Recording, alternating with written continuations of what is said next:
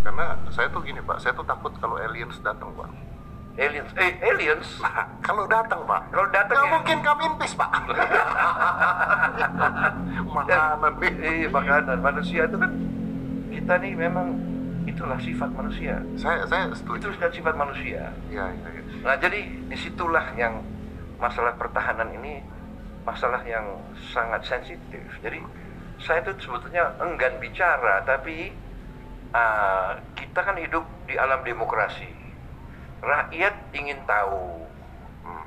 ingin tahu kondisinya, ingin tahu masa depannya, ingin tahu keselamatannya, kan begitu. Rakyat Iya. punya hak untuk tahu. Betul, betul.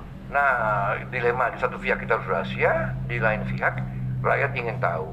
Nah, ini rawan karena ada kelompok-kelompok kadang-kadang yang punya ambisi pribadi.